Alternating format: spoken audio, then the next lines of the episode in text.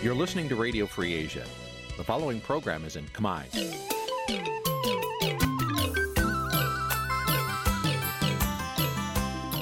នេះជាកម្មវិធីផ្សាយ Vuthu Azizi Serai នេះជាកម្មវិធីផ្សាយរបស់ Vuthu Azizi Serai ជាភាសាខ្មែរ Vuthu Azizi Serai សូមស្វាគមន៍លោកអ្នកនាងទាំងអស់ពីរដ្ឋធានី Washington នៃសហរដ្ឋអាមេរិក។ ចាប់ពីរដ្ឋធានី Washington នាងខ្ញុំម៉ៅសុធានីសូមជម្រាបសួរលោកអ្នកស្ដាប់ទាំងអស់ជាទីមេត្រីចាយើងខ្ញុំសូមជូនការផ្សាយសម្រាប់ព្រឹកថ្ងៃប្រហ័ស2រោចខែផុតបុត្រឆ្នាំឆ្លូវត្រីស័កពុទ្ធសករាជ2565ហើយដល់ត្រូវនៅថ្ងៃទី23ខែកញ្ញាគ្រិស្តសករាជ2021ជាកិច្ចចាប់ផ្ដើមនេះនាងខ្ញុំសូមអញ្ជើញលោកអ្នកនាងកញ្ញាស្ដាប់ព័ត៌មានប្រចាំថ្ងៃដែលមានមេត្តាដូចតទៅ thank you ក្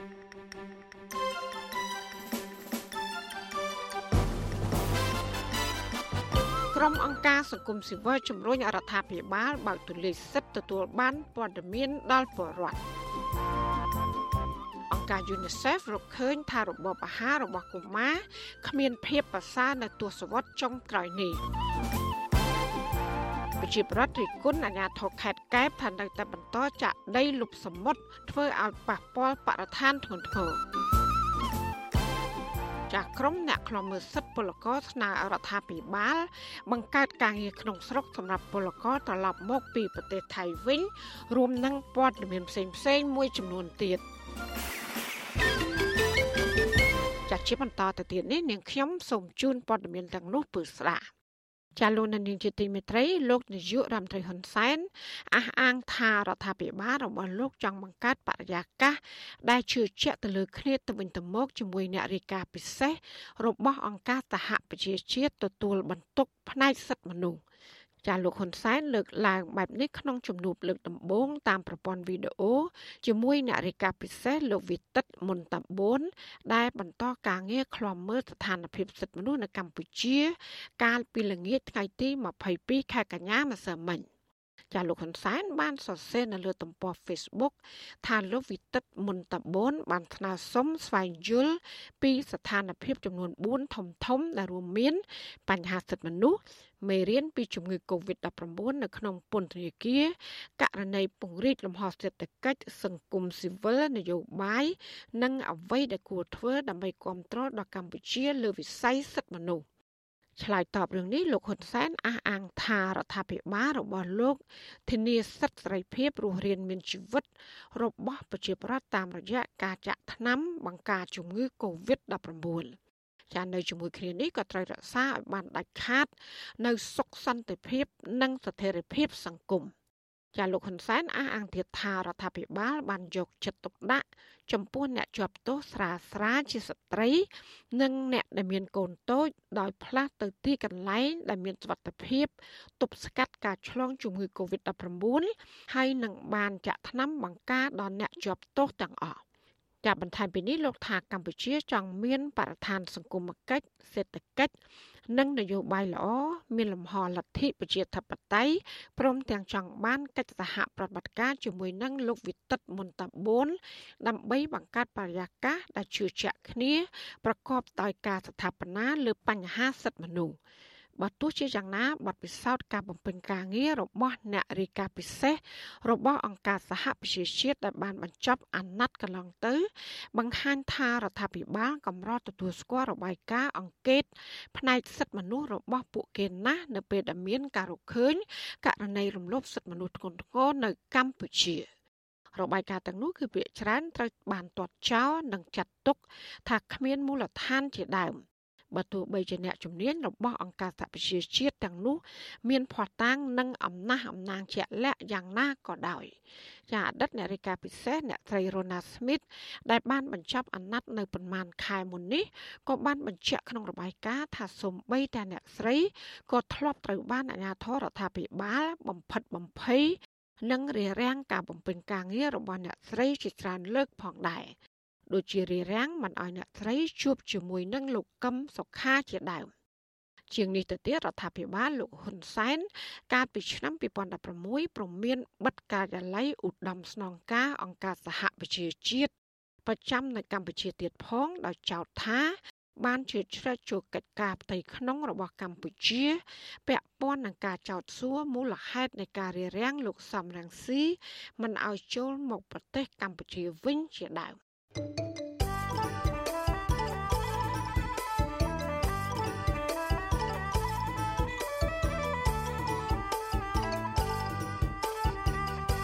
ចាលោកនាងជាទីមេត្រីក្រុមអង្គការសង្គមស៊ីវិលជំរុញរដ្ឋាភិបាលបើកទូលាយសិទ្ធិទទួលបានព័ត៌មានដល់ប្រជាពលរដ្ឋនិងជនជាតិដើមភាគតិច ការជំរុញនេះធ្វើឡើងក្នុងកិច្ចប្រជុំមួយដែលមានអ្នកពាក់ព័ន្ធជាង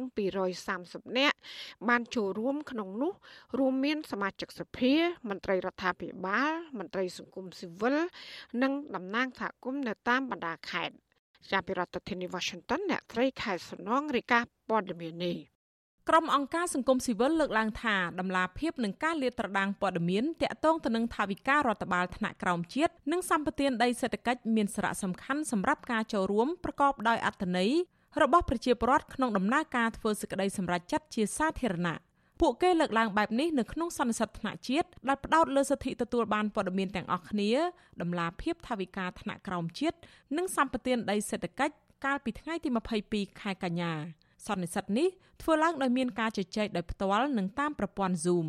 នាយកប្រតិបត្តិនៃអង្គការសម្ព័ន្ធភាពដៃគូដើម្បីការអភិវឌ្ឍតាមបែបប្រជាធិបតេយ្យ លោកសុនពេញលើកឡើងនៅក្នុងកិច្ចប្រជុំនោះថាការពិភាក្សានេះរកឃើញបញ្ហាប្រឈមមួយចំនួននៃសិទ្ធិទទួលបានព័ត៌មានរបស់ប្រជាពលរដ្ឋនិងជនជាដើមភាគតិចលោកលើកឡើងថាប្រជាពលរដ្ឋមួយចំនួនពិបាកក្នុងការទទួលបានព័ត៌មានតាក់ទងទៅនឹងការចាត់ចែងថវិការដ្ឋបាលថ្នាក់ក្រោមជាតិនិងព័ត៌មានតាក់ទងការផ្ដាល់ដីសម្បត្តិសេដ្ឋកិច្ចយើងខ្ញុំជឿជាក់យ៉ាងមុតមមថាប្រជាពលរដ្ឋនឹងមានសម្លេងក្នុងពាក់ព័ន្ធជាមួយនឹងការចំណាយជាសាធារណៈក៏ដូចជាក្នុងការសម្រេចចិត្តនានានៅគ្រប់កម្រិតផងដែរជាពិសេសការសម្រេចចិត្តដែលប៉ះពាល់ទៅដល់ការរស់នៅប្រចាំថ្ងៃរបស់ពួកគាត់នៅក្នុងគ្រប់កម្រិតស្រដៀងគ្នានេះដែរនាយកប្រតិបត្តិវេទិកានៃអង្គការមិនមែនរដ្ឋាភិបាលស្ដីពីកម្ពុជាហៅកាត់ថា NGO Forum លោកតឹកវណ្ណារាក៏សម្គាល់ថាការទទួលបានព័ត៌មានពេញលេញគឺជាគន្លឹះជំរុញឲ្យមានការអភិវឌ្ឍជាតិ មន្ត្រីសង្គមស៊ីវិលរូបនេះស្នើឲ្យមានការបើកទូលាយការផ្តល់ព័ត៌មានតាក់ទងផលប៉ះពាល់បរិស្ថាននិងសង្គមថែមទៀតចង់ឃើញបាទឲ្យមានលំហូរធនធានថែមទៀតទៅថ្នាក់ក្រោមជាតិជាពិសេសទៅទងយន្តការអ្នកពាក់ព័ន្ធរបស់ថ្នាក់ក្រោមជាតិហ្នឹងដើម្បីជំរុញឲ្យមានការចូលរួមកម្មសកម្មពីជាពិសេសប្រជាសហគមន៍ប្រជាពលរដ្ឋយើងដែលរស់នៅផ្ទាល់ជាមួយនឹងគម្រោងអភិវឌ្ឍរស់នៅផ្ទាល់ជាមួយនឹងការអភិវឌ្ឍទាំងផ្នែកសេដ្ឋកិច្ចផ្នែកសង្គមហើយនឹងការការពារបរិស្ថាន តកតងការលើកឡើងនេះសមាជិកសភាឯកបៈនិងជាសមាជិកគណៈកម្មការទី3នៃរដ្ឋសភាលោកខុតច័ន្ទតារាលើកឡើងថាច្បាប់បានបើកទូលាយឲ្យពលរដ្ឋមានសិទ្ធិសេរីភាពទទួលបានព័ត៌មាន និងការទទួលបានព័ត៌មានសមាជិកសភារូបនេះឲ្យដឹងទៀតថាតាមព័ត៌មានលោកទទួលបានពីក្រសួងព័ត៌មានសេចក្តីព្រាងច្បាប់ស្តីពីសិទ្ធិទទួលបានព័ត៌មានដែលកំពុងស្ថិតនៅក្នុងដៃក្រសួងជិតបញ្ចប់សពគ្រប់ហើយលោកឲ្យដឹងទៀតថាពេលនេះ ក្រសួងព័ត៌មានត្រូវការការបញ្ជាក់បន្ថែមនៅចំណុចទោសទណ្ឌខ្លះពីក្រសួងយុតិធធលោករំពឹងថាសេចក្តីព្រាងច្បាប់នេះនឹងឆាប់ឆ្លងទៅគណៈរដ្ឋមន្ត្រីមុននឹងបញ្ជូនទៅរដ្ឋសភាដើម្បីពិនិត្យនិងអនុម័ត ជឿជាក់ថាសេចក្តីព្រាងច្បាប់នេះនឹងរៀបចំតាក់តែងមកដោយចូលលើគ្រប់ទស្សនវិជ្ជានឹងមាននឹងបានទទួលការចូលរួមពីគ្រប់មជ្ឈដ្ឋានហើយអត្ថបទច្បាប់នេះនឹងធានាសិទ្ធិទទួលព័ត៌មាននឹងកាន់តែរឹងមាំកាន់តែទូលំទូលាយជាក់ជាមិនខានបាទជុំវិញករណីនេះវិទ្យុអាស៊ីសេរីមិនអាចតាក់ទងសុំការបញ្ជាក់បន្ថែមពីអ្នកនាំពាក្យក្រសួងព័ត៌មានលោកមាសសុភ័ណ្ឌបាននៅឡើយទេនៅថ្ងៃទី22ខែកញ្ញា សេចក្តីព្រាងច្បាប់ស្តីពីសិទ្ធិទទួលបានព័ត៌មានបានតាក់តែងនិងពិភាក្សាជាច្រើនលើកមកហើយនៅក្នុងរយៈពេលជាងមួយទសវត្សរ៍មកនេះប៉ុន្តែនៅមិនទាន់ចេញជាច្បាប់បាននៅឡើយទេក្រមមន្ត្រីសិទ្ធិមនុស្សរំពឹងថាពេលសភាអនុម័តសេចក្តីព្រាងច្បាប់ស្តីពីសិទ្ធិទទួលបានព័ត៌មានរួចប្រជាពលរដ្ឋទូទៅអាចមានឱកាសទទួលបានព័ត៌មានពិតគ្រប់ជ្រុងជ្រោយនិងទូលំទូលាយចា៎នាងខ្ញុំខែសុណងវັດឈូអាស៊ីសេរីរាយការណ៍ពីរដ្ឋធានី Washington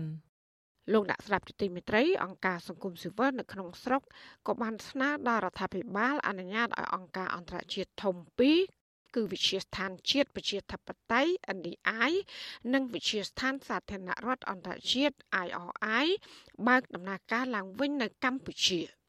ការពីនីនេះធ្វើឡើងក្រោយដែលថ្នាក់ដឹកនាំនៃអង្គការ NDI និង IRI បញ្ជាក់ចំហថាអង្គការទាំងពីរនៅតែចង់ចូលរួម ក្នុងការលើកស្ទួយសិទ្ធិប្រជាធិបតេយ្យបន្តទៀតនៅកម្ពុជាចាលោកទីនសាការីយ៉ារីកាព័ត៌មាននេះពីរដ្ឋធានី Washington ក្រុមអង្គការសង្គមស៊ីវិលលើកឡើងថាអវត្តមានរបស់អង្គការ NDI និង IRI រយៈពេល4ឆ្នាំមកនេះជាការខាតបង់សម្រាប់ជាតិពីព្រោះស្ថាប័នទាំងពីរបានរួមចំណែកយ៉ាងសំខាន់ក្នុងការពង្រឹងលទ្ធិប្រជាធិបតេយ្យនៅកម្ពុជាជាង20ឆ្នាំមកហើយក្រុមអង្គការសង្គមស៊ីវិលរំពឹងថារដ្ឋាភិបាល នឹងពិចារណាអនុញ្ញាតឲ្យអង្គការអន្តរជាតិទាំងពីរអាចបើកដំណើរការនៅកម្ពុជាឡើងវិញបាន ដើម្បីឲ្យពួកគេបន្តបេសកកម្មរបស់ខ្លួនតទៅទៀតប្រធានសមាគមការពារសិទ្ធិមនុស្សអាត់ហុកលោកនីសុខាមានប្រសាសន៍ថាអង្គការ NDI និង IRI បានជួយគាំទ្រដល់ដំណើរការប្រជាធិបតេយ្យនៅកម្ពុជាតាមរយៈការផ្តល់ថវិកាដល់គម្រោងនានាពាក់ព័ន្ធនឹងលទ្ធិប្រជាធិបតេយ្យជាមួយគ្នានេះលោកថាអង្គការទាំងពីរបានជួយបណ្ដោះបណ្ដាល និងពង្រឹងសមត្ថភាពរបស់មន្ត្រីអង្គការសង្គមស៊ីវិលនិងគណៈបកនយោបាយគ្រប់ភាគីលោកបានថែមថាក្រុមអង្គការសង្គមស៊ីវិលក្នុងស្រុកនៅតែអំពាវនាវដល់រដ្ឋាភិបាលអនុញ្ញាតឲ្យអង្គការអន្តរជាតិទាំងពីរអាចបើកដំណើរការនៅកម្ពុជាឡើងវិញបាន។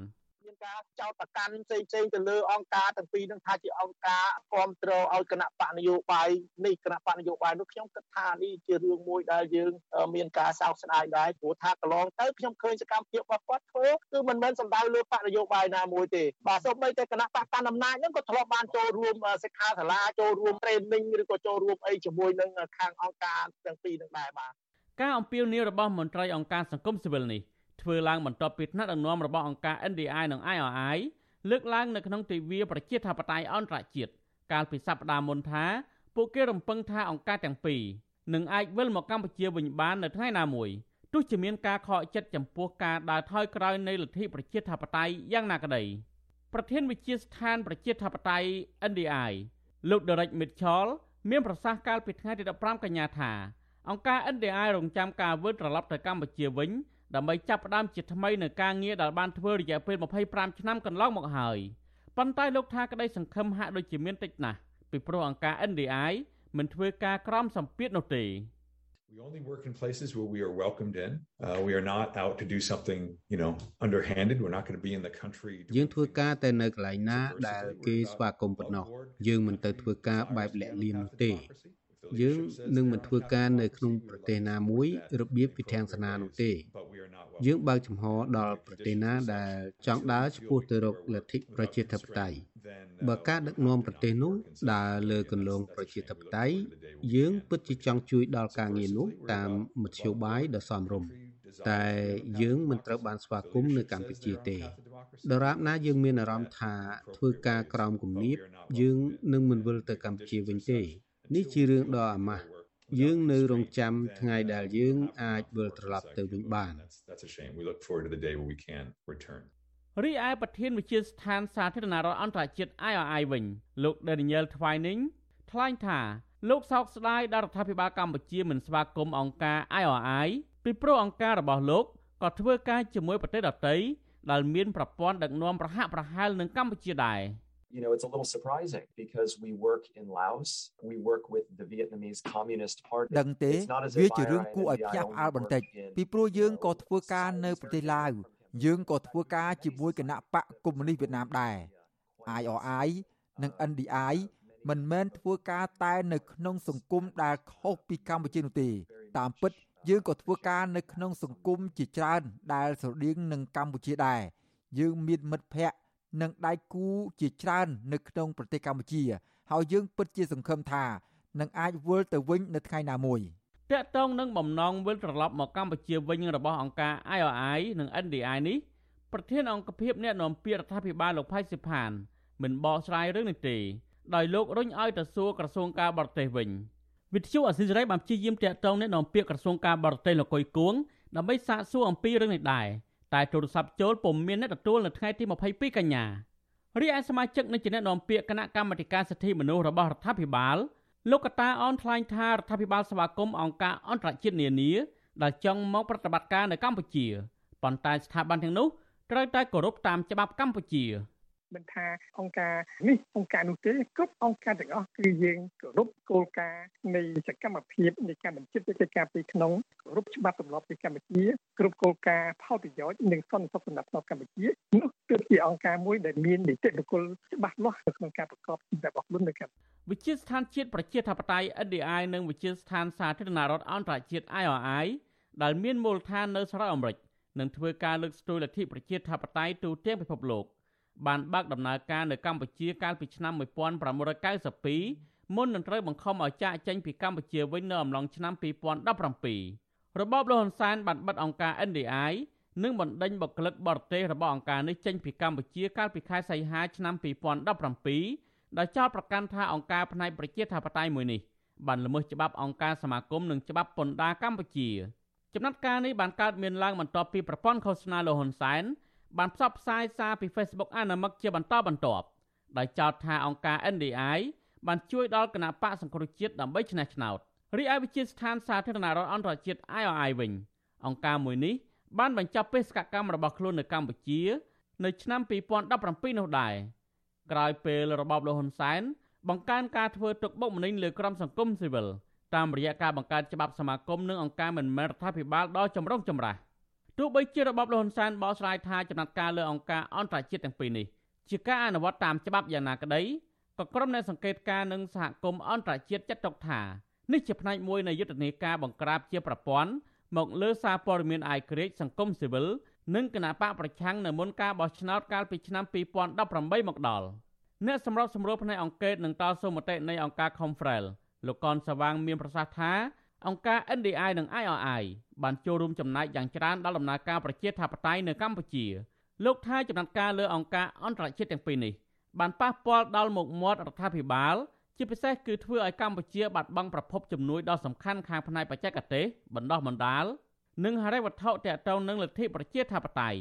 លោកកនសវាងបន្ថែមថារដ្ឋាភិបាលគួរតែពិចារណាអនុញ្ញាតឲ្យអង្គការអន្តរជាតិទាំងពីរដំណើរការនៅកម្ពុជាឡើងវិញ ហើយបើកលំហសម្រាប់សង្គមស៊ីវិលគណៈបកនយោបាយនិងសម្លេងឯកក្រិចនានានៅមុនការបោះឆ្នោតនៅពេលខាងមុខមកដល់។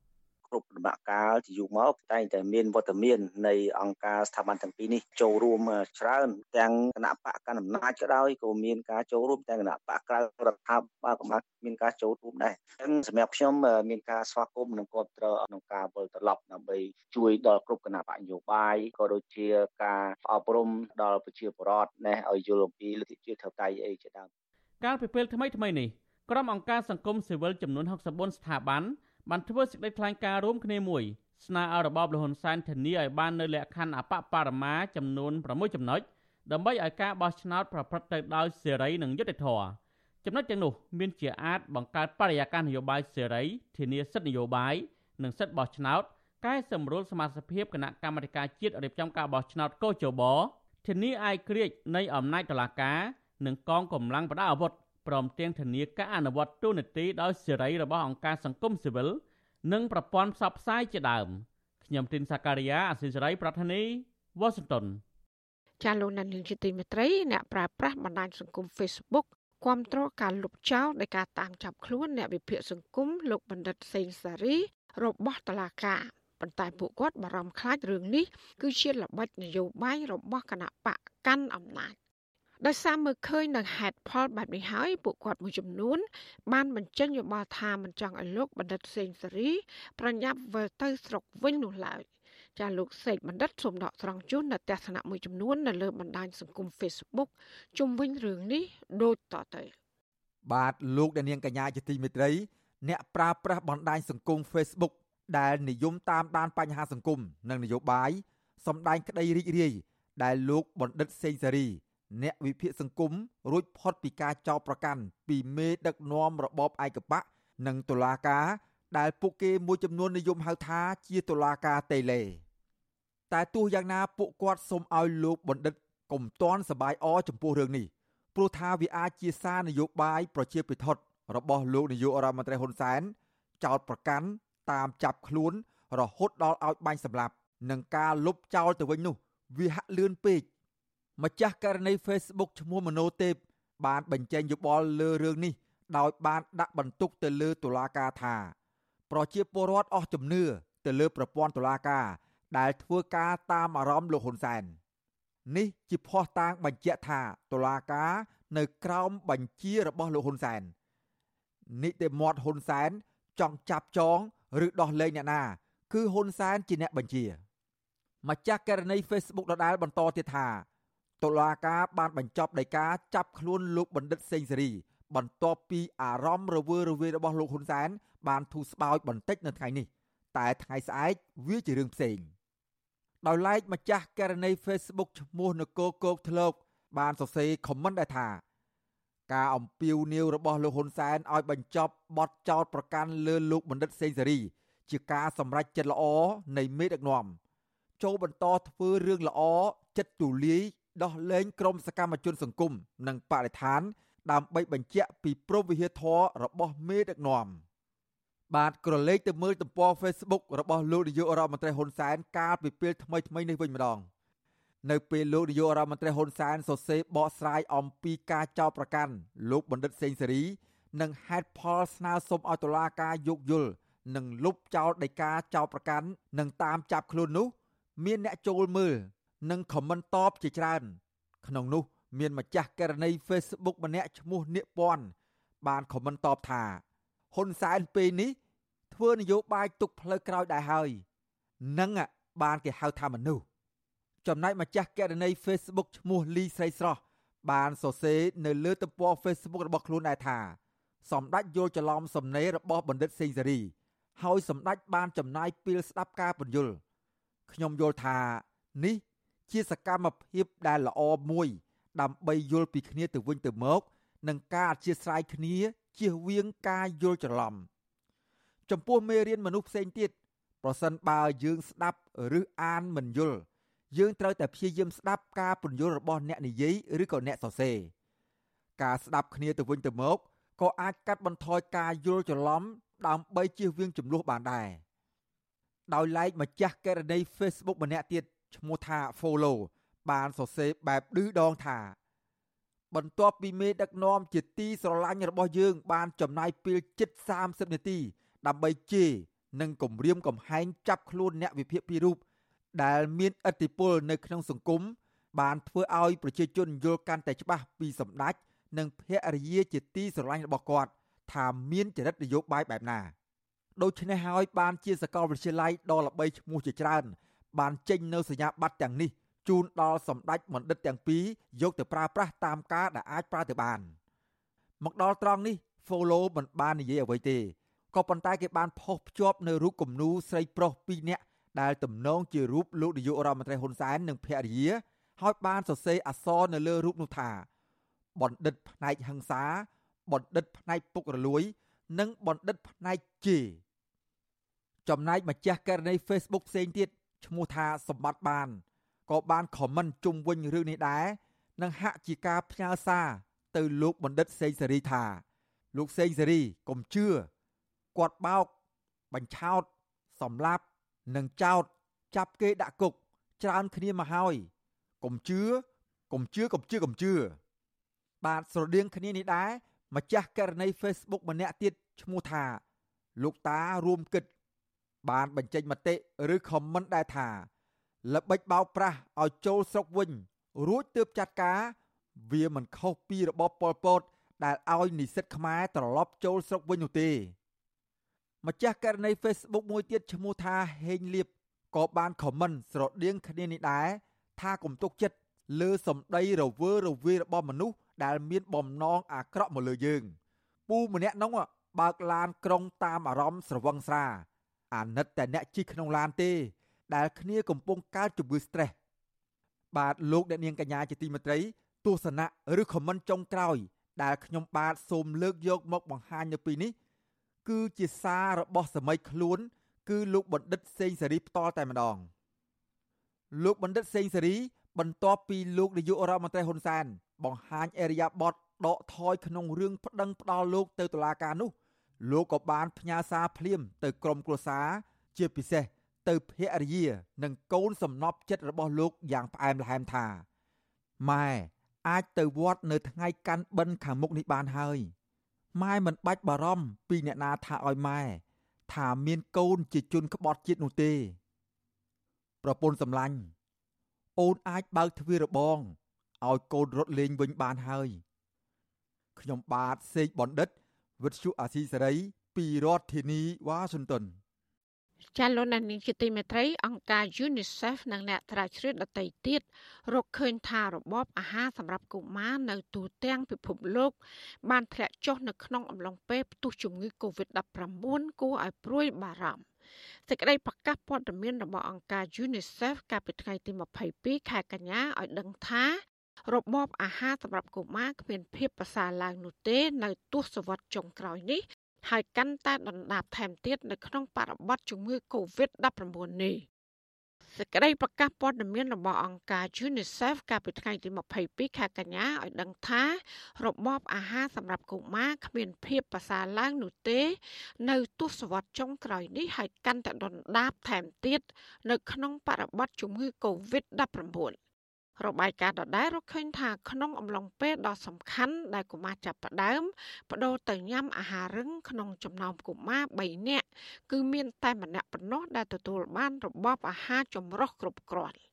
ចារបាយការណ៍ដែលមានចំណងជើងថាចិញ្ចឹមឲ្យបរាជ័យឬវិបត្តិនៃរបបអាហាររបស់កុមារក្នុងអំឡុងពេលដំបូងនៃជីវិត បានចេញផ្សាយនៅមុនពេលដែលកិច្ចប្រជុំកំពូលរបស់អង្គការសហប្រជាជាតិស្ដីពីប្រព័ន្ធស្បៀងអាហារនៅសប្តាហ៍នេះចារបាយការណ៍នេះក៏បានព្រមានថាការកើនឡើងនៃភាពក្រីក្រវិសមភាពចំនួន គ្រោះមហន្តរាយដោយសារអាកាសធាតុនិងស្ថានភាពអាសន្នផ្នែកសុខភាពដូចជាការឆ្លងរាតត្បាតជាសកលនៃជំងឺ Covid-19 កំពុងរួមចំណែកធ្វើឲ្យមានវិបត្តិអាហារូបត្ថម្ភចំពោះមនុស្សវ័យក្មេងបំផុតនៅលើពិភពលោក នាយិកាប្រតិបត្តិអង្គការ UNICEF អ្នកស្រី Henrietta Fore បានឲ្យដឹង តាមរយៈសេចក្តីថ្លែងការណ៍ថារបាយការណ៍នេះ បង្ហាញឲ្យឃើញថាកុមារជាច្រើនលាននាក់ត្រូវបានចិញ្ចឹមឲ្យបរាជ័យចាអ្នកត្រីឲ្យដឹងទៀតថាការទ្រុបយកសារធាតុចិញ្ចឹមមិនបានល្អក្នុងអំឡុងពេល2ឆ្នាំដំបូងនៃជីវិត គឺធ្វើឲ្យអន្តរាយដោយមិនអាចស្រោចស្រង់បានដល់រាងកាយហើយនឹងខួរក្បាលដែលកំពុងលូតលាស់យ៉ាងឆាប់រហ័សរបស់កុមារការរបាយការណ៍ដដែលបង្ហាញទៀតថាក្នុងចំណោមប្រទេសជាច្រើន ដែលត្រូវបានលើកយកឧទាហរណ៍ក្នុងនោះក៏មានការអង្កេតស្រាវជ្រាវនៅកម្ពុជាដែលធ្វើឡើងដោយអង្គការ UNICEF កម្មវិធីស្បៀងអាហារពិភពលោកនិងដៃគូផ្សេងទៀតចាប់ពីខែសីហាឆ្នាំ2020ដល់ខែកក្កដាឆ្នាំ2021ហើយរបាយការណ៍ក៏បានរកឃើញថាបរិវត្តប្រមាណ40ទៅ50%កំពុងមានបញ្ហាប្រាក់ចំណូលធ្លាក់ចុះដែលជាហេតុនាំឲ្យពួកគាត់ត្រូវប្រើប្រាស់យុទ្ធសាស្ត្រទប់ទល់ច្រើនជាងមុនជុំវិញ ការបរិភោគអាហារដែលបង្កផលប៉ះពាល់ដល់របបអាហាររបស់ពួកគាត់ ចាពួកគេក៏បានរកឃើញទៀតថានៅក្នុងខែកក្កដាកន្លងមកនេះកុមារនៅកម្ពុជាដែលមានអាយុក្រោម5ឆ្នាំ មានត្រឹមតែ35%ប៉ុណ្ណោះដែលបានញ៉ាំអាហារក្នុងកម្រិត ដែលអាចទទួលយកបានជាអបបរមា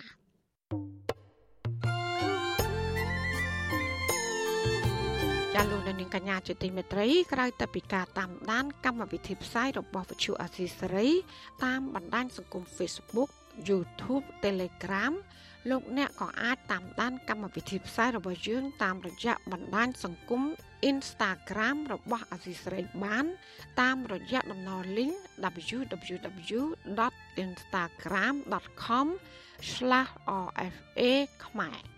ចាអាស៊ីសេរីនឹងបន្តខិតខំផ្សព្វផ្សាយព័ត៌មានពិតទៅកាន់បងប្អូនតាមរយៈបណ្ដាញសង្គមផ្សេងផ្សេងនិងសម្បូរបែប ដើម្បីឲ្យលោកអ្នកនាងងាយស្រួលតាមដានការផ្សាយរបស់អសីស្រីគ្រប់ពេលវេលា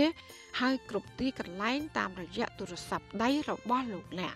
ចាសសូមអរគុណ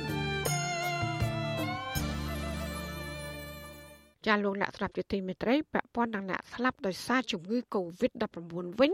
ចំនួនអ្នកស្លាប់បានកើនឡើងដល់2154នាក់គិតត្រឹមថ្ងៃទី22ខែកញ្ញាបន្ទាប់ពីមានអ្នកស្លាប់14នាក់បន្ថែមទៀត។ គិតត្រឹមព្រឹកថ្ងៃទី22ខែកញ្ញាកម្ពុជា មានអ្នកកើតជំងឺ Covid-19 ជិត160,000នាក់ក្នុងនោះ មានអ្នកជាសះស្បើយជាង98,000នាក់ចានៅជាមួយគ្នានេះក្រសួងសុខាភិបាលក៏បានជូនដំណឹងទៅក្រសួងទេសចរឲ្យរៀបចំវិតម្លៃស្តង់ដារសម្រាប់ដាក់ឲ្យអនុវត្តនៅផ្សារទំនើបហើយនិងផ្សារសាធារណៈនៅទូទាំងប្រទេស រដ្ឋមន្ត្រីក្រសួងសុខាភិបាលលោកមុំមិនហេងបានបញ្ជាក់ក្នុងលិខិតចុះថ្ងៃទី22ខែកញ្ញាថាវិធានការនេះគឺដើម្បីជំរុញសេដ្ឋកិច្ចនិងសង្គមដែលអនុវត្តតាមកន្លងថ្មីដោយសារតែស្ថានភាពការរាតត្បាតនៃជំងឺ Covid-19 នៅកម្ពុជាបានធូរស្រាល ចានៅភ្នំពេញរដ្ឋបាលរាជធានីភ្នំពេញ đã តែបន្តដាក់ចេញវិធានការរដ្ឋបាលដោយផ្អាកជាបដាសន្នចំពោះសកម្មភាពការងារមុខរបរឬអាជីវកម្មដែលមានហានិភ័យខ្ពស់នៃការឆ្លងជំងឺ Covid-19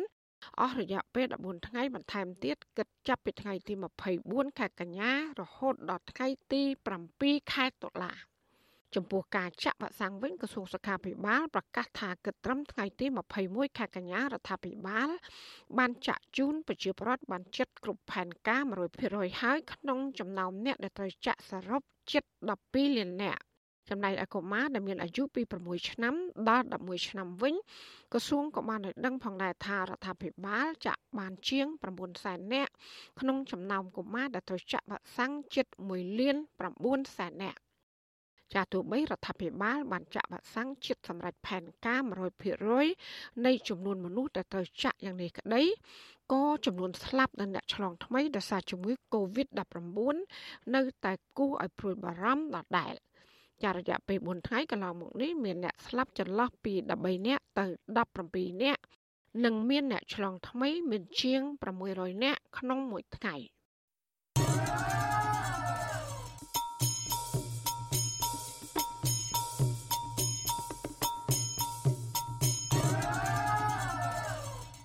ចាលោកអ្នកនាងកញ្ញាកំពុងស្ដាប់ការផ្សាយរបស់វិទ្យុអសីស្រីផ្សាយចេញពីរដ្ឋធានី Washington នៃសហរដ្ឋអាមេរិក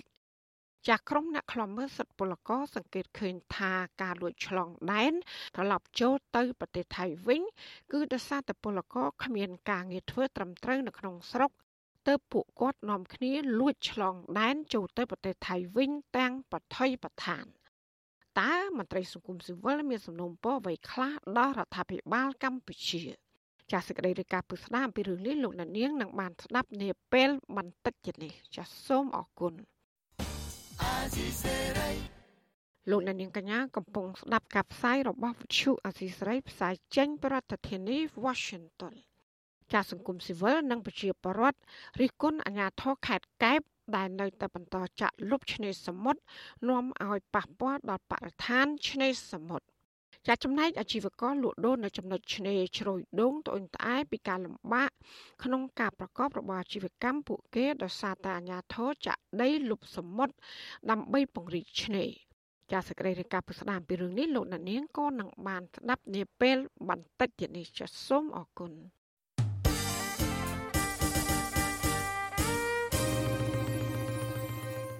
ចាលោកនាងកញ្ញាជាទីមេត្រីសង្គមស៊ីវិលជំរុញរដ្ឋាភិបាល រកការងារក្នុងស្រុកឲ្យពលករដែលទើបត្រឡប់មកពីប្រទេសថៃវិញ ដើម្បីទប់ស្កាត់កុំឲ្យពួកគេឆ្លងដែនត្រឡប់ទៅប្រទេសថៃទាំងប្រថុយប្រឋាន នៅក្នុងអំឡុងពេលនេះការលើកឡើងទាំងនេះក្រោយដែលពលករជាច្រើនកំពុងនាំគ្នាលួចឆ្លងដែនត្រឡប់ទៅរកការងារធ្វើក្នុងប្រទេសថៃវិញជាបន្តបន្ទាប់ ចាប់ពីរដ្ឋធានី Washington លោកជីវតាមានសេចក្តីរាយការណ៍ពុស្ដាអំពីរឿងនេះ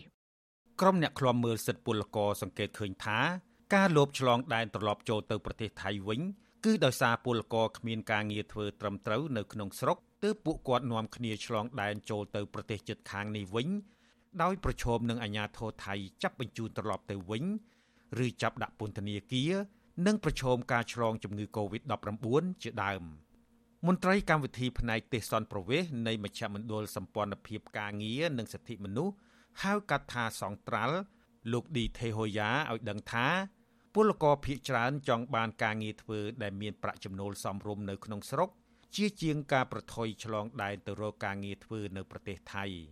ប៉ុន្តែជាច្រើនខែកន្លងមកនេះពលករជាច្រើនសុទ្ធតែគ្មានការងារធ្វើ ពួកគាត់ខ្លះបានធ្វើស្រែ ឬចិញ្ចឹមសត្វបន្តិចបន្តួចជាលក្ខណៈគ្រួសារ ប៉ុន្តែពួកគាត់គ្មានប្រាក់ចំណូលប្រចាំថ្ងៃទេ ស្របពេលដែលពលករជាច្រើនជំពាក់បំណុលធនាគារលោកឌីថេហូយ៉ាព្រួយបារម្ភថាប្រសិនបើរដ្ឋាភិបាលមិនបង្កើនមុខរបរក្នុងស្រុកបន្ថែមដោយការប្រកាសកន្លងទៅទេពលករកាន់តែច្រើននឹងនាំគ្នាប្រថុយឆ្លងដែនត្រឡប់ទៅប្រទេសថៃបន្តទៀត រដ្ឋាភិបាលគួរតែឆ្លៀតឱកាសហ្នឹងដើម្បីបង្កើននៅជំនាញដូចយើងមើលថាក្រសួងការងារបង្កើតសាលាបណ្ដុះបណ្ដាលជីវៈអញ្ចឹងមកដល់ពេលហ្នឹងមិនដឹងមានអ្នករៀនប្រមាណអ្នកអីមកអាហ្នឹងគួរតែជំរុញយ៉ាងហ្នឹងដើម្បីអីដើម្បីនៅពេលដែលកូវីដនឹងចប់ទៅគាត់មានជំនាញហើយគាត់អាចរកការងារល្អបានធ្វើឬមួយការងារនៅក្នុងស្រុកដូចដើមអញ្ចឹងនៅប្រទេសថៃឯនោះវិញអាញាធរថៃមិនទាន់ប្រកាសពីការបើកប្រទេសឲ្យពលករត្រឡប់ទៅរកការងារធ្វើវិញនៅឡើយទេ ប៉ុន្តែពលករខ្មែរបាននាំគ្នាប្រថុយលោបឆ្លងដែនចូលទៅប្រទេសថៃកាន់តែច្រើនឡើងច្រើនឡើង ពិសេសគឺនៅពេលយប់ដើម្បីទៅស្វែងរកការងារធ្វើពលករម្នាក់ដែលទើបឆ្លងដែនបានចូលមកដល់ប្រទេសថៃកាលពីថ្ងៃទី21កញ្ញាគឺលោកស្រីប៉ែនវិនឲ្យដឹងថា លោកស្រីមានគ្នា3នាក់ប្រើពេលពេញមួយថ្ងៃដើរកាត់ព្រៃលបឆ្លងដែនមកប្រកបរបររើសអេចាយនៅប្រទេសថៃវិញ ការដែលលោកស្រីនិងប្តីសុកចិត្តត្រឡប់មករើសអេចាយនៅប្រទេសថៃវិញនោះព្រោះពួកគាត់គ្មានមុខរបរនិងគ្មានការងារធ្វើនៅស្រុកកំណើតលោកស្រីប៉ែនវិនបញ្ជាក់ថាជាច្រើនខែកន្លងទៅនេះលោកស្រីនិងប្តីបានខិតខំដើររកការងារធ្វើនៅស្រុកកំណើតដែរតែរកមិនបានដោយសារពួកលោកស្រីគ្មានចំណេះដឹងគ្មានជំនាញច្បាស់លាស់ទើបពួកគាត់សម្រេចចិត្តត្រឡប់មករំពឹងមុខរបររើសអេចាយនៅស្រុកថៃវិញ ខ្ញុំលួចចូលមកខ្ញុំវាគ្មានលួចគ្មានកាក់របាយហុកបានមកវិញមកគឺថានៅផ្ទះគ្មានតែគ្មានភ្លឺធ្វើដល់អញ្ចឹងខ្ញុំក៏ឡើងមកវិញមកគេគ្មានទៅឲ្យយើងចោលទេគេចាប់បានបញ្ជូនទៅវិញដែរហ្នឹងភាសាហ្នឹងខ្មែរយើងអ្នកចាប់តែថៃគេគ្មានចាប់បងគេចាប់បានគេបញ្ជូនទៅផ្ទះវិញភាសាដែរហ្នឹងគ្រាប់ដែរហ្នឹងប៉ុន្តែមិនដល់យើងអត់មានអីធ្វើអញ្ចឹងខ្ញុំចេះតែមកទៅការប្រថុយលបឆ្លងដែនខុសច្បាប់ទៅរកការងារធ្វើនៅក្នុងស្ថានភាពដែលថៃកំពុងបិទប្រទេសនេះ ពលរដ្ឋខ្មែរប្រឈមនឹងគ្រោះថ្នាក់ហើយត្រូវចំណាយលុយច្រើនជាងការឆ្លងដែនស្របច្បាប់ គឺពួកគេត្រូវពឹងពាក់អ្នកនាំផ្លូវឬហៅថាមេខ្យល់ឲ្យនាំផ្លូវវៀងឆ្ងាយ ឬត្រូវដើរកាត់ព្រៃឆ្លងអូរឡើងភ្នំ ដើម្បីគេចពីប៉ូលីសតាមព្រំដែនក្រោយពេលឆ្លងដែនចូលទៅដល់ទឹកដីថៃហើយពលរដ្ឋខ្មែរនៅតែប្រឈមនឹងគ្រោះថ្នាក់ដែរដូចជាគ្រោះថ្នាក់ចរាចរណ៍ប៉ូលីសថៃចាប់បញ្ជូនត្រឡប់ទៅវិញ ឬចាប់ដាក់ក្នុងពន្ធនាគារនិងរកការងារធ្វើមិនបានគណៈរោងចក្រនៅប្រទេសថៃខ្លះបានខ្សែធននិងខ្លះទៀតមិនត្រូវការរើសកម្លាំងពលកម្មបន្ថែមឬថៅកែមិនហ៊ានទទួលយកអ្នកឆ្លងដែនខុសច្បាប់ជាដើមយុវជនខេត្តកំពង់ធំម្នាក់លោកអ៊ីព្រីងនិយាយថាលោកកំពុងពិចារណាទៅរកការងារធ្វើនៅប្រទេសថៃវិញព្រោះក្រោយពេលត្រឡប់មកដល់កម្ពុជាវិញជាច្រើនខែហើយ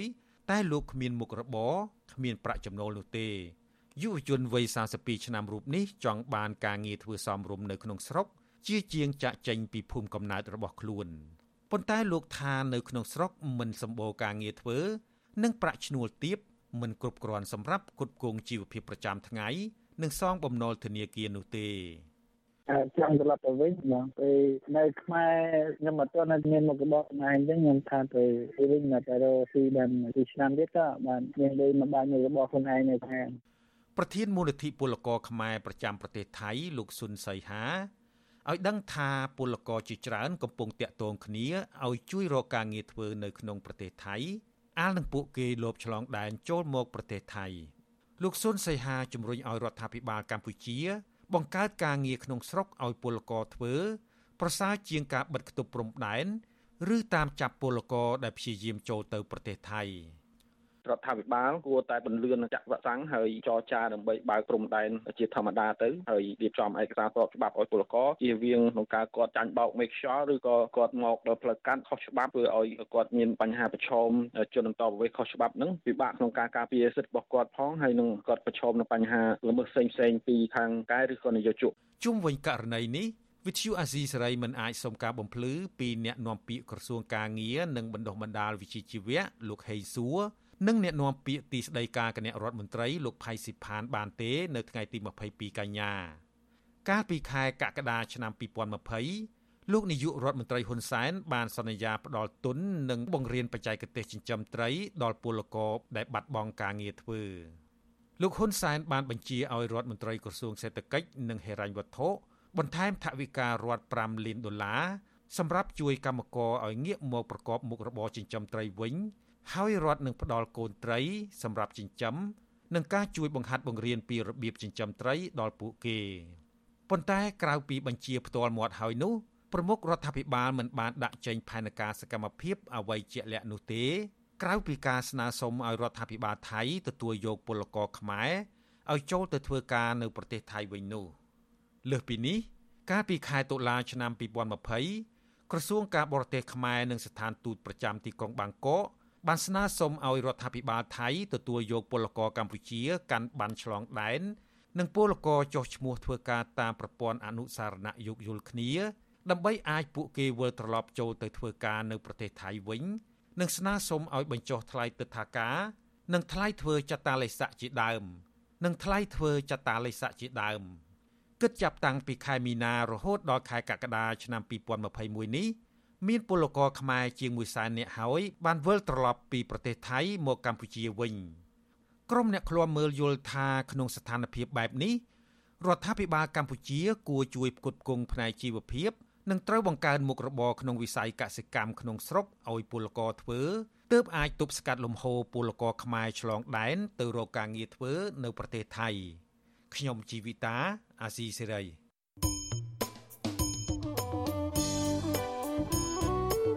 ចាលោកនាងជាទីមេត្រីវិទ្យុអសីស្រីផ្សាយតាមរលក ធាតុអាកាសខ្លីឬ short wave តាមកម្រិតនិងកម្ពស់ដូចតទៅចាពេលព្រឹកគឺចាប់ពីម៉ោង5កន្លះដល់ម៉ោង6កន្លះគឺតាមរយៈរលក ធាតុអាកាសខ្លី9940 kHz ស្មើនឹងកម្ពស់ 30ម៉ែត្រចាសម្រាប់ពេលយប់វិញចាប់ពីម៉ោង7កន្លះដល់ម៉ោង8កន្លះគឺតាមរយៈរលក ធាតុអាកាសខ្លី 9960 kHz ស្មើនឹងកម្ពស់ 30ម៉ែត្រហើយនឹង11240 kHz ស្មើនឹងកម្ពស់ 25ម៉ែត្រចាសសូមអរគុណ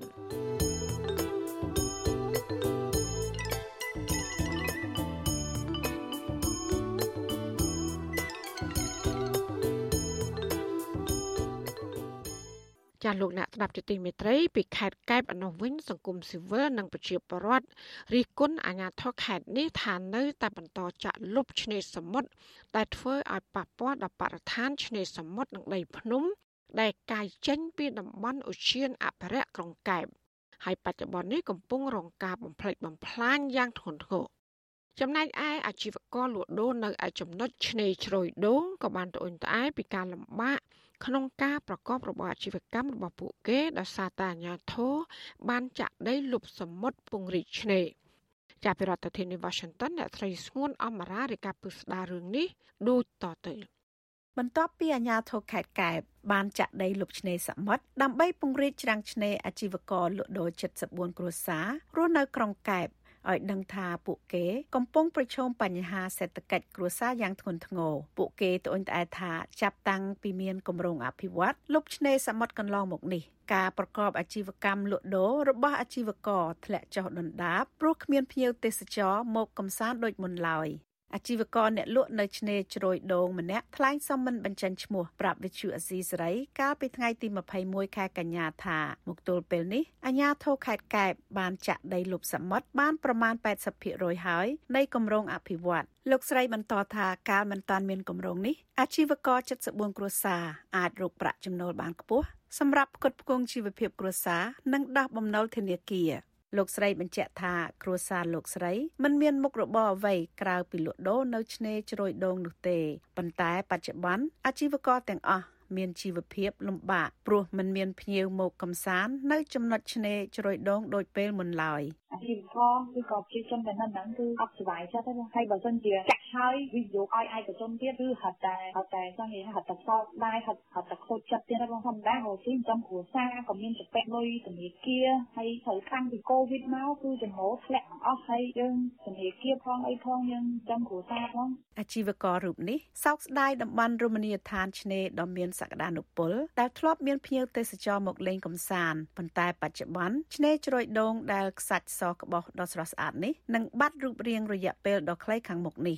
លើសពីនេះ លោកស្រីបារម្ភថាបើថ្ងៃអនាគតចំណុចឆ្នេរជ្រោយដូងប្រែក្លាយជាតំបន់អាគារវិនិយោគរបស់ក្រុមហ៊ុនចិន និងអ្នកមានអំណាចលោកស្រីថាអាជីវករទាំងអស់នឹងបាត់បង់កន្លែងប្រកបអាជីវកម្មហើយនឹងមានជីវភាពកាន់តែដុនដាបព្រោះតំបន់នោះជាឆ្នាំងបាយនិងអាយុជីវិតរបស់ពួកគេស្រដៀងគ្នានេះដែរអាជីវករម្នាក់ទៀតឈ្មោះលោកស្រីច័ន្ទស្រីម៉ៅថ្លែងថាការប្រកបរបរលក់ដូររបស់លោកស្រីបានធ្លាក់ចុះ ព្រោះมันមានភ្ញៀវមកអង្គុយនៅកញ្ចុះនិងមកមុជលំហែកាយដោយពេលកន្លងទៅឡើយលើសពីនេះលោកស្រីថាបរិយាកាសនៅតំបន់នោះមិនអំណោយផលដោយសាររថយន្តដឹកដីជាច្រើនគ្រឿងបើកឆ្លងកាត់មុខតូបរបស់ពួកគេជារៀងរាល់ថ្ងៃដែលធ្វើឲ្យពួកគេពិបាករកប្រាក់ចំណូលលោកស្រីបន្ថែមថាកន្លងមកធ្លាប់មានវិនិយោគិនជនជាតិចិនចុះមកសិក្សាពីគម្រោងអភិវឌ្ឍនៅចំណុចឆ្នេរជ្រោយដូងជាបន្តបន្ទាប់ ហើយលោកស្រីបារម្ភថាប្រសិនបើមានគម្រោងអភិវឌ្ឍទីក្រុងរណបថ្មីដូចនៅក្រុងកំពង់សោមអាជីវករទាំង74គ្រួសារប្រឈមនឹងបាត់បង់មុខរបរសោកស្ដាយដែរបងព្រោះអីទៅថាបើប្រខ្លាយជា របស់ចិនអស់យកជាឧបមាថាអនាគតទៅខ្លាយជារបស់ក្រុមហ៊ុនគេអស់ចឹងទៅណាយើងអាជីវករនៅហ្នឹងអត់មានកន្លែងរកស៊ីទេហើយប្រជាជនធម្មតាបងឯងយើងតែអត់មានកន្លែងរកស៊ីប្រជាជនកាន់តែយូរទៅក្រទៅក្រក៏មានការសោកស្ដាយដែរដូចជាឆ្នេរចឹងចាក់តឹងទៅទៅវាបាត់កម្រោះធម្មជាតិអស់ចឹងទៅដល់ពេលភ្នំចឹងកាយទៅវាបាត់បរិស្ថានអស់ហ្នឹងឃើញមានតែដីសស្គូខ្លាច់ដល់ពេលភ្លៀងមកហូរច្រោះដីទៀតហ្នឹងណា វិទ្យុអស៊ីសេរីបានព្យាយាមតាក់ទងអភិបាលខេត្តកែបលោកសោមពិសិដ្ឋអ្នកនាំពាក្យសាលាខេត្តកែបលោកវ៉ាវសុខា និងអ្នកនាំពាក្យក្រសួងបរិស្ថានលោកនេតភត្រា នៅថ្ងៃទី21កញ្ញាដោយទូរស័ព្ទហៅចូលជាច្រើនដង តែគ្មានអ្នកទទួលប៉ុន្តែអ្នកនាំពាក្យសាលាខេត្តកែបលោកវ៉ាវសុខា បានប្រាប់សារព័ត៌មានក្នុងស្រុក VOD ថាការលុបសមុទ្រនេះ គឺរដ្ឋបាលខេត្តកែបមានគោលបំណងពង្រីកសក្តានុពល ដើម្បីឲ្យភាពងាយស្រួលសម្រាប់ភ្ញៀវទេសចរទស្សនាលំហែកាយនៅតំបន់នោះ អ្នកនាំពាក្យរូបនេះបានអះអាងថាគម្រោងលុបឆ្នេរសមុទ្រនេះមិនបានផ្ដល់ឲ្យក្រុមហ៊ុនឯកជនណាមួយឡើយប៉ុន្តែលោកថាក្រុមហ៊ុនឯកជន មានការស្នើសុំឯកភាពពីថ្នាក់ជាតិនិងក្រុមប្រឹក្សាអភិវឌ្ឍកម្ពុជាជាមុនជុំវិញរឿងនេះ សង្គមស៊ីវិលនិងក្រុមអ្នកការពារបរិស្ថានព្រួយបារម្ភថាចំណុចឆ្នេរជ្រោយដូង នឹងអាចប្រែក្លាយជាទីក្រុងទំនើបមានអគារវិនិយោគក្រុមហ៊ុនចិន និងអ្នកមានអំណាចទៅថ្ងៃអនាគតដោយសារតែអាញាធមូលដ្ឋាន អនុវត្តគម្រោងលុបឆ្នេរសមុទ្រនេះធ្វើឡើងយ៉ាងតក់ក្រហល់គ្មានការចេញអនុក្រឹត្យស្ដីពីអនុប្រយោគនៃទំហំផ្ទៃដីសមុទ្រពីរដ្ឋាភិបាលនៅឡើយប្រធានសមាគមប្រជាធិបតេយ្យឯករាជ្យ នៃសេដ្ឋកិច្ចក្រៅប្រព័ន្ធលោកវ៉ាន់ពៅ មានប្រសាសន៍ថាប្រសិនបើទៅថ្ងៃខាងមុខឆ្នេរជ្រោយដូងលេចចេញគម្រោងអាគារវិនិយោគក្រុមហ៊ុនចិននិងអ្នកមានអំណាចរដ្ឋាភិបាល និងអាជ្ញាធរមូលដ្ឋានត្រូវបង្ហាញរបាយការណ៍ដើម្បីធានាថាសំណង់ទាំងនោះធ្វើឡើងដើម្បីលើកកម្ពស់សេដ្ឋកិច្ចប្រជាជនមូលដ្ឋាន និងមានដំណាភាពលោកសង្កត់ធ្ងន់ថាអំឡុងការរីករាលដាលជំងឺ Covid-19 អាជ្ញាធរមូលដ្ឋាន គួរតែផ្ដល់ជំនួយ និងលើកស្ទួយដល់អ្នកប្រកបរបរនៃសេដ្ឋកិច្ចក្រៅប្រព័ន្ធលោកជំរុញឲ្យអាជ្ញាធរខេត្តកែបពិនិត្យពិចារណារោគដំណោះស្រាយដល់អាជីវករដែលប្រឈមនឹងបញ្ហាសេដ្ឋកិច្ចប៉ះពាល់នៃគម្រោងអភិវឌ្ឍឆ្នេរសមុទ្រនេះរដ្ឋ កាលណាលុបឬក៏អភិវឌ្ឍអ្វីមួយធ្វើឲ្យបាត់ប្រាក់ចំណូលឬបាត់អាជីវកម្មរបស់ពលរដ្ឋរដ្ឋត្រូវគិតពិចារណាដែរកាលណាលុបឬក៏អភិវឌ្ឍណាមួយប៉ះពាល់ជីវភាពប្រជាពលរដ្ឋវាគឺជារឿងមួយដែលខ្ញុំគិតថាការអភិវឌ្ឍនោះគឺมันបានគិតអំពីទុកលំបាកបានគិតអំពីគោលការណ៍ដែលមានចែងក្នុងរដ្ឋធម្មនុញ្ញទេព្រោះចែងថារដ្ឋជាអ្នកធានានៃជីវភាពរស់នៅរបស់ពលរដ្ឋអញ្ចឹងកាលណាការលុបឆ្នេរលុបអីធ្វើឲ្យបាត់អាជីពបាត់មុខរបរពលរដ្ឋអញ្ចឹងវាជាចំណុចមួយដែលការអភិវឌ្ឍខ្ញុំគិតថាវាជារឿងមួយដើរថយក្រោយសម្រាប់ប្រជាពលរដ្ឋខ្មែរចំណែកឯស្ថាបនិកចលនាមេដាធម្មជាតិលោក Alejandro Gonzalez Davidson ថាអាញាធរខេត្តអនុវត្តគម្រោងលុបឆ្នេរសមុទ្រកន្លងមកនេះមិនមានដំណាភាពនិងគិតគូរពីផលប៉ះពាល់សង្គមឲ្យបានល្អិតល្អន់លោក Alex រិះគន់របបលោកហ៊ុនសែនថាការលុបឆ្នេរសមុទ្រលុបបឹងកន្លងមកនេះប្រជាជនមូលដ្ឋាន ប្រឈមរងគ្រោះដោយសារទឹកជំនន់នៅរដូវវស្សាជាបន្តបន្ទាប់លើសពីនេះ ធ្វើឲ្យបាត់បង់ធនធានជីវៈចម្រុះផ្ទៃទឹកសមុទ្ររងការប៉ះពាល់ដែលជាមូលហេតុធ្វើឲ្យមច្ឆជាតិហិចហោចនៅថ្ងៃអនាគត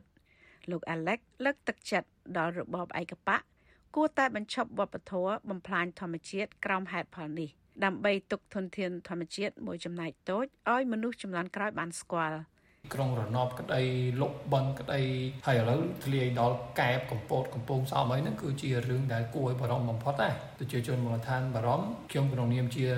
សកម្មជនបរិស្ថានសកម្មជនសិទ្ធិមនុស្សក៏ខ្ញុំបារម្ភបាបារម្ភដែរដោយសារពេលដែលក្រុមហ៊ុនចិនវិស័យឯកជនក្តីវិស័យរបស់រដ្ឋក្តីមកវិនិយោគនៅប្រទេសកម្ពុជាដឹងថាការរំលោភសិទ្ធិមនុស្សកើតឡើងដឹងតែប្រជាជនមូលដ្ឋានអត់ស្បายចិត្តអត់មានចំណូលអត់មានចំណេញទេ ច្បាប់ស្តីពីការគ្រប់គ្រងប្រើប្រាស់និងការចាត់ចែងលើទ្រព្យសម្បត្តិរដ្ឋមាត្រា5ចែងថាទ្រព្យសម្បត្តិរបស់រដ្ឋដែលកើតមានពីធម្មជាតិមានជាអាចឆ្នេរសមុទ្របឹងព្រៃឈើទន្លេកោះរ៉ែភ្នំស្ថិតក្រោមអធិបតេយ្យភាពនៃព្រះរាជាណាចក្រកម្ពុជាទ្រព្យសម្បត្តិសាធារណៈរបស់រដ្ឋមកជាទ្រព្យសម្បត្តិឯកជនរបស់រដ្ឋមាត្រា27ចែងថា លក្ខណៈនៃការប្រើប្រាស់របស់រដ្ឋត្រូវតែបម្រើប្រយោជន៍ជាសាធារណៈនិងមានការធ្វើអនុប្រយោគកំណត់ដោយអនុក្រឹត្យមានហត្ថលេខានាយករដ្ឋមន្ត្រី ប្រជាពលរដ្ឋនិងក្រុមអ្នកការពារបរិស្ថាន បង្ហាញពីការស្ដាយស្រណោះធនធានព្រៃនិងដីតំបន់ភ្នំឧទ្យានជាតិភ្នំកែប និងភ្នំវរដែលជារមណីយដ្ឋានដ៏ល្បីល្បាញត្រូវគេបំផ្លិចបំផ្លាញធ្វើអាជីវកម្មដើម្បីយកថ្ម និងអាចដីដើម្បីចាក់លុបឆ្នេរសមុទ្រកន្លងមកនេះ ក្រៅពីការអភិវឌ្ឍនេះប្រជាពលរដ្ឋក្រុងកែបអះអាងថាតំបន់ចង្កេះភ្នំដំណាក់ចង្អើត្រូវបានក្រុមអ្នកមានអំណាច ដែលឪពុកក្មេកអភិបាលខេត្តកែបគឺលោកថោងខុន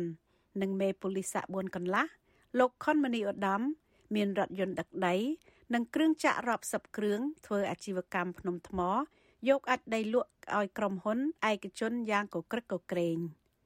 នាងខ្ញុំស្ងួនអមរា Pichu Azisari ពីរដ្ឋធានី Washington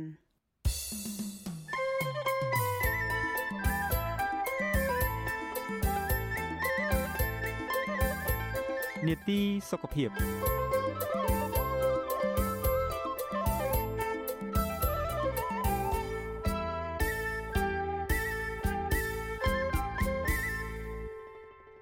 ចាលោកអ្នកស្ដាប់យុតិមេត្រីជំងឺរើមនិងជំងឺអុតស្វាយគឺបង្កឡើងដោយវីរុសប្រភេទដូចគ្នាចាស់ជាធម្មតាអ្នកកាត់ជំងឺរើមបណ្ដាលឲ្យឈឺចាប់រមាស់និងក្រហាយនៅលើស្បែកហើយនឹងចេញរោគសញ្ញាពងទឹកតូចធំ ជាកញ្ចុំកញ្ចុំនៅលើស្បែករយៈពេលពី7ទៅ10ថ្ងៃតើមូលហេតុអ្វីបណ្ដាលឲ្យកើតជំងឺរើមហើយគេអាចមានវិធីណាខ្លះដើម្បីការពារជំងឺសើស្បែកមួយនេះ ចានៅក្នុងនេតិសុខភាពប្រចាំសប្តាហ៍នេះនាងខ្ញុំសូមរាយការណ៍ជូនអំពីរឿងនេះដូចតទៅជំងឺរើមបង្កឡើងដោយវីរុសឈ្មោះ Varicella zoster ដែលបណ្ដាលឲ្យអ្នកជំងឺក្តៅខ្លួនឈឺក្បាលនិងលេចចេញពងទឹកនៅលើស្បែកដែលមានរាងតូចធំផ្ដុំគ្នាជាកញ្ចុំចាំម្ចាស់ Clinic មេតានៅរាជធានីភ្នំពេញលោកវិជ្ជបណ្ឌិតហៀងរតនាមានប្រសាសន៍ ថានៅពេលដែលឆ្លងវីរុស Varicella zoster នេះដំបូងវាបង្កជាជំងឺអុតស្វាយចាក្រោយជាសះស្បើយពីជំងឺអុតស្វាយហើយវីរុសនេះมันងាប់ទេ គឺវានៅសំងំ ក្នុងប្រព័ន្ធសរសៃប្រសាទរាប់សិបឆ្នាំ ហើយនៅពេលណាដែលសុខភាពឬក៏ប្រព័ន្ធការពារខ្លួនចុកខ្សោយវីរុសនេះនឹងរើឬក៏ងើបឡើងវិញបណ្ដាលឲ្យកើតជំងឺរើម។ តលតែអ្នកនឹងធ្លាប់កើតអុតស្វាយហើយមិនកើតរឿងគាត់អាចកើតអុតស្វាយនៅអាយុណាក៏អាចកើតដែរនៅពេលដែលគាត់ឆ្លងមេរោគអុតស្វាយហើយអាមេរោគពួក herpes simplex virus ហ្នឹងវាអត់មកពីក្នុងខ្លួនយើងទេវាទៅនៅចងំនៅក្នុងគេហៅដកសលរូបរូប ganglion គេបោះណេះសរសៃប្រសាទយើងហ្នឹងចងំនៅហ្នឹង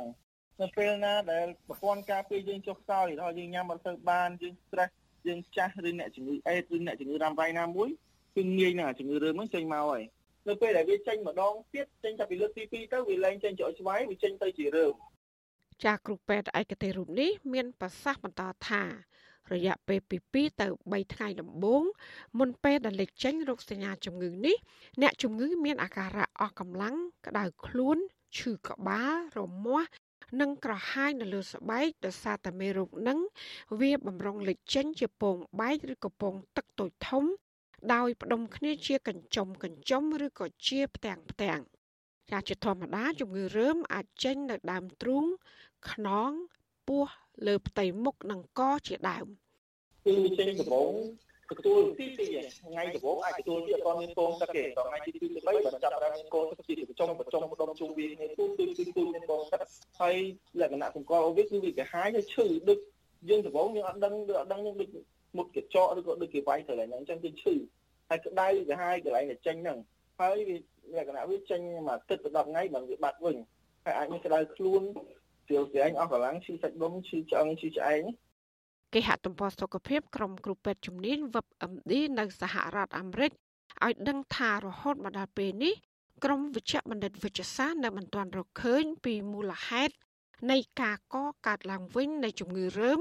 ចំពោះអ្នកដែលធ្លាប់កើតជំងឺអុតស្វាយនោះទេចាជំងឺរើមជាទូទៅច្រើនកើតនៅលើមនុស្សដែលមានវ័យលើសពី60ឆ្នាំឡើងទៅ។ជំងឺរើមជាជំងឺឆ្លង អាចចម្លងមេរោគទៅអ្នកដទៃដែលពុំមានការជំងឺអុតស្វាយពីមុនហើយជំងឺនេះគ្មានវិធីសាស្ត្រណាដែលអាចព្យាបាលឲ្យជារហូតបានឡើយ ចាលោកវិជ្ជបណ្ឌិតហៀងរតនាមានប្រសាសន៍បន្តថាបរដ្ឋខ្មែរខ្លះដែលកើតជំងឺរើមមិនបានទៅជួបពិគ្រោះយោបល់ជាមួយគ្រូពេទ្យទេក៏ប៉ុន្តែបែរជាទៅរកគ្រូខ្មែរស្ដោះនឹងផ្លុំព្រោះទឹកមាត់ដាក់លើពងទឹកកញ្ចុំកញ្ចុំនៅលើស្បែករបស់អ្នកជំងឺបែបបុរាណទៅវិញទង្វើបែបនេះលោកថាអាចឈឺលើដើមឬក៏បង្កបញ្ហាសុខភាពផ្សេងទៅវិញ ប៉ះសិនបើគ្រូខ្មែរនោះមានជំងឺឆ្លងណាមួយនៅពេលដែលមានជំងឺរើមគឺសំខាន់បំផុតគឺអឺយើងឃើញខ្មែរយើងពីច្រើនមានជំនឿបុរាណទៅរកគ្រូខ្មែរស្ដោះផ្លុំផ្ទះអញ្ចឹងវាធ្វើឲ្យជំងឺហ្នឹងកាន់តែធ្ងន់ទៀតហើយទៅស្ដោះទៅផ្លុំហ្នឹងទៅមាត់របស់គ្រូខ្មែរហ្នឹងបើមានគាត់មានមេរោគអីផ្សេងផ្សេងមាត់គាត់មានឈាមមានអីទៀតហ្នឹងគឺឆ្លងកាន់តែធ្ងន់ឆ្លងឆ្លើមឆ្លងល្បែងឆ្លងជំងឺអេដអាចឆ្លងពីគ្រូហ្នឹងទៀតអញ្ចឹងបើយល់ល្អបើគាត់ ធ្ងន់ធ្ងរឬធ្ងន់ធ្ងរគួរតែទៅចាប់ទៅជួបគ្រូពេទ្យហើយបើគាត់ស្រាលទេក៏គាត់អាចសម្រាកឲ្យបានគ្រប់គ្រាន់ញ៉ាំឲ្យបានគ្រប់គ្រាន់ហើយនៅពេលដែលក្តៅខ្លួនអាចញ៉ាំថ្នាំប៉ារ៉ាសេតាមុលទៅមួយគ្រាប់ឬក៏ពីរគ្រាប់ទៅតាមគីឡូអាហ្នឹងមួយទឹកទៅ10ថ្ងៃវាជាខ្លួនវាវិញហើយ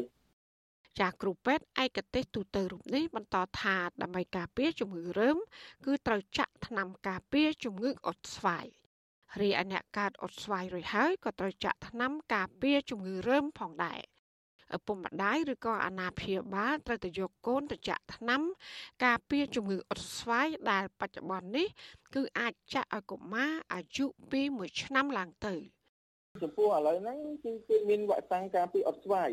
ចាប់ពីអាយុមួយខួបឡើងទៅយើងអាចចាក់បានហើយចាក់ពីរដងមួយខែចាក់ម្ដងអញ្ចឹងយើងចាក់វ៉ាក់សាំងហ្នឹងយើងការពារអុតស្វាយផងអត់ឲ្យចេញអុតស្វាយហើយការពារអត្រានៃការឡើងរើមដែរ ហើយចំពោះមេរោគអត់ស្វាយហ្នឹងក៏អាចផ្ដល់ផលប៉ះពាល់ច្រើនដែរបើគាត់កើតនៅទូចពេកគាត់កើតជាងខ្លាំងគឺវាអាចឆ្នាមលើស្បែកអាចបើវាក្តៅខ្លួនខ្លាំងគឺទឹកខ្លាំងអាចឲ្យមានលេខខួរក្បាលលេខសូមខួរអីដែរអញ្ចឹងយើងឃើញថាផលប្រយោជន៍នៃការចាក់វ៉ាក់សាំងអត់ស្វាយហ្នឹងគឺក៏វាច្រើនដែរចាមជ្ឈមណ្ឌលបង្ការជំងឺឆ្លងនៅសហរដ្ឋអាមេរិក CDC ណែនាំឲ្យមនុស្សពេញវ័យអាយុចាប់ពី50ឆ្នាំឡើងទៅត្រូវទៅចាក់ថ្នាំបង្ការជំងឺរើមចំនួន2ដូសចន្លោះពី2ខែទៅ6ខែ ដើម្បីការពារជំងឺរើម និងផលវិបាកសុខភាពនានាទៅថ្ងៃអនាគតចាការស្រាវជ្រាវបង្ហាញថាអ្នកដែលបានចាក់វ៉ាក់សាំងអាយុចន្លោះពី50ឆ្នាំទៅ69ឆ្នាំ ចំនួន2ដូសរួចហើយនោះ គឺអត្រាប្រសិទ្ធភាពមានជាង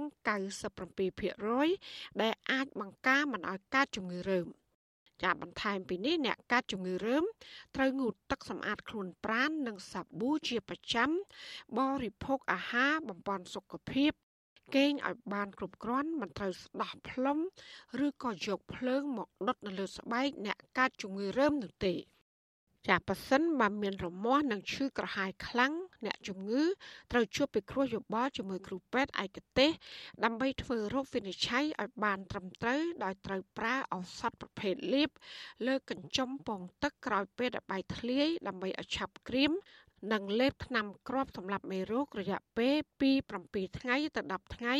ទៅតាមវេជ្ជបញ្ជារបស់គ្រូពេទ្យ